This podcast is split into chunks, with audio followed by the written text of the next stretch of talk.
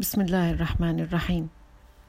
إخوتي الذين استمعتم إلي سابقا وتسمعونني الآن تعلمون وأعلم أن دعاء المسلم للمسلم بظهر الغيب هو حتما دعاء مستجاب.